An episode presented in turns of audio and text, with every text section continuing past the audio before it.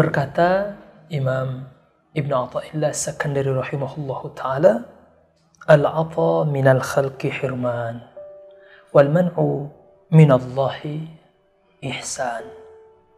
Pemberian dari makhluk itu sejatinya menghijab kita kepada Allah.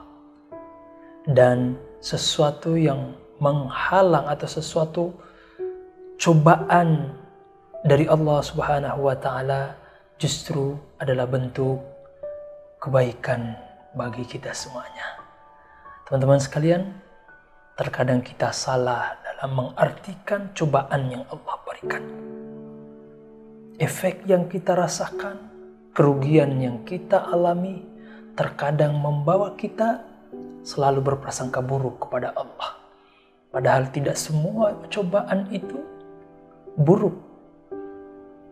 Terkadang sebaliknya, dengan cobaan justru begitulah cara Allah mengangkat seorang hamba.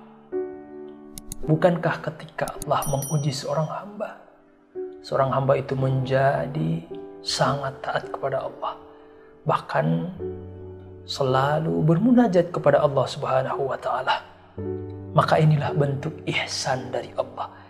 Bentuk kebaikan di balik cobaan itu. Agar kita mau berlama-lama bermunajat kepada Allah. Mau sukarela bercurhat kepada Allah Subhanahu wa taala. Dan inilah cukup menjadi kebaikan bagi seorang hamba ketika dia bisa bermunajat bermesraan dengan Allah Subhanahu wa taala. Terkadang seorang hamba justru dengan ujian dan cobaan dia bisa kembali kepada Allah. Maka cobaan dari Allah Subhanahu wa taala yang bisa menyadarkan seorang hamba, bisa mengembalikan seorang hamba agar bisa menjadi hamba yang benar-benar hamba kepada Allah Subhanahu wa taala, itulah bentuk kebaikan. Fa'asa an takrahu syai'an fayaj'alallahu fihi khairan katsira. Terkadang sesuatu yang buruk justru bernilai baik di sisi Allah Subhanahu wa taala.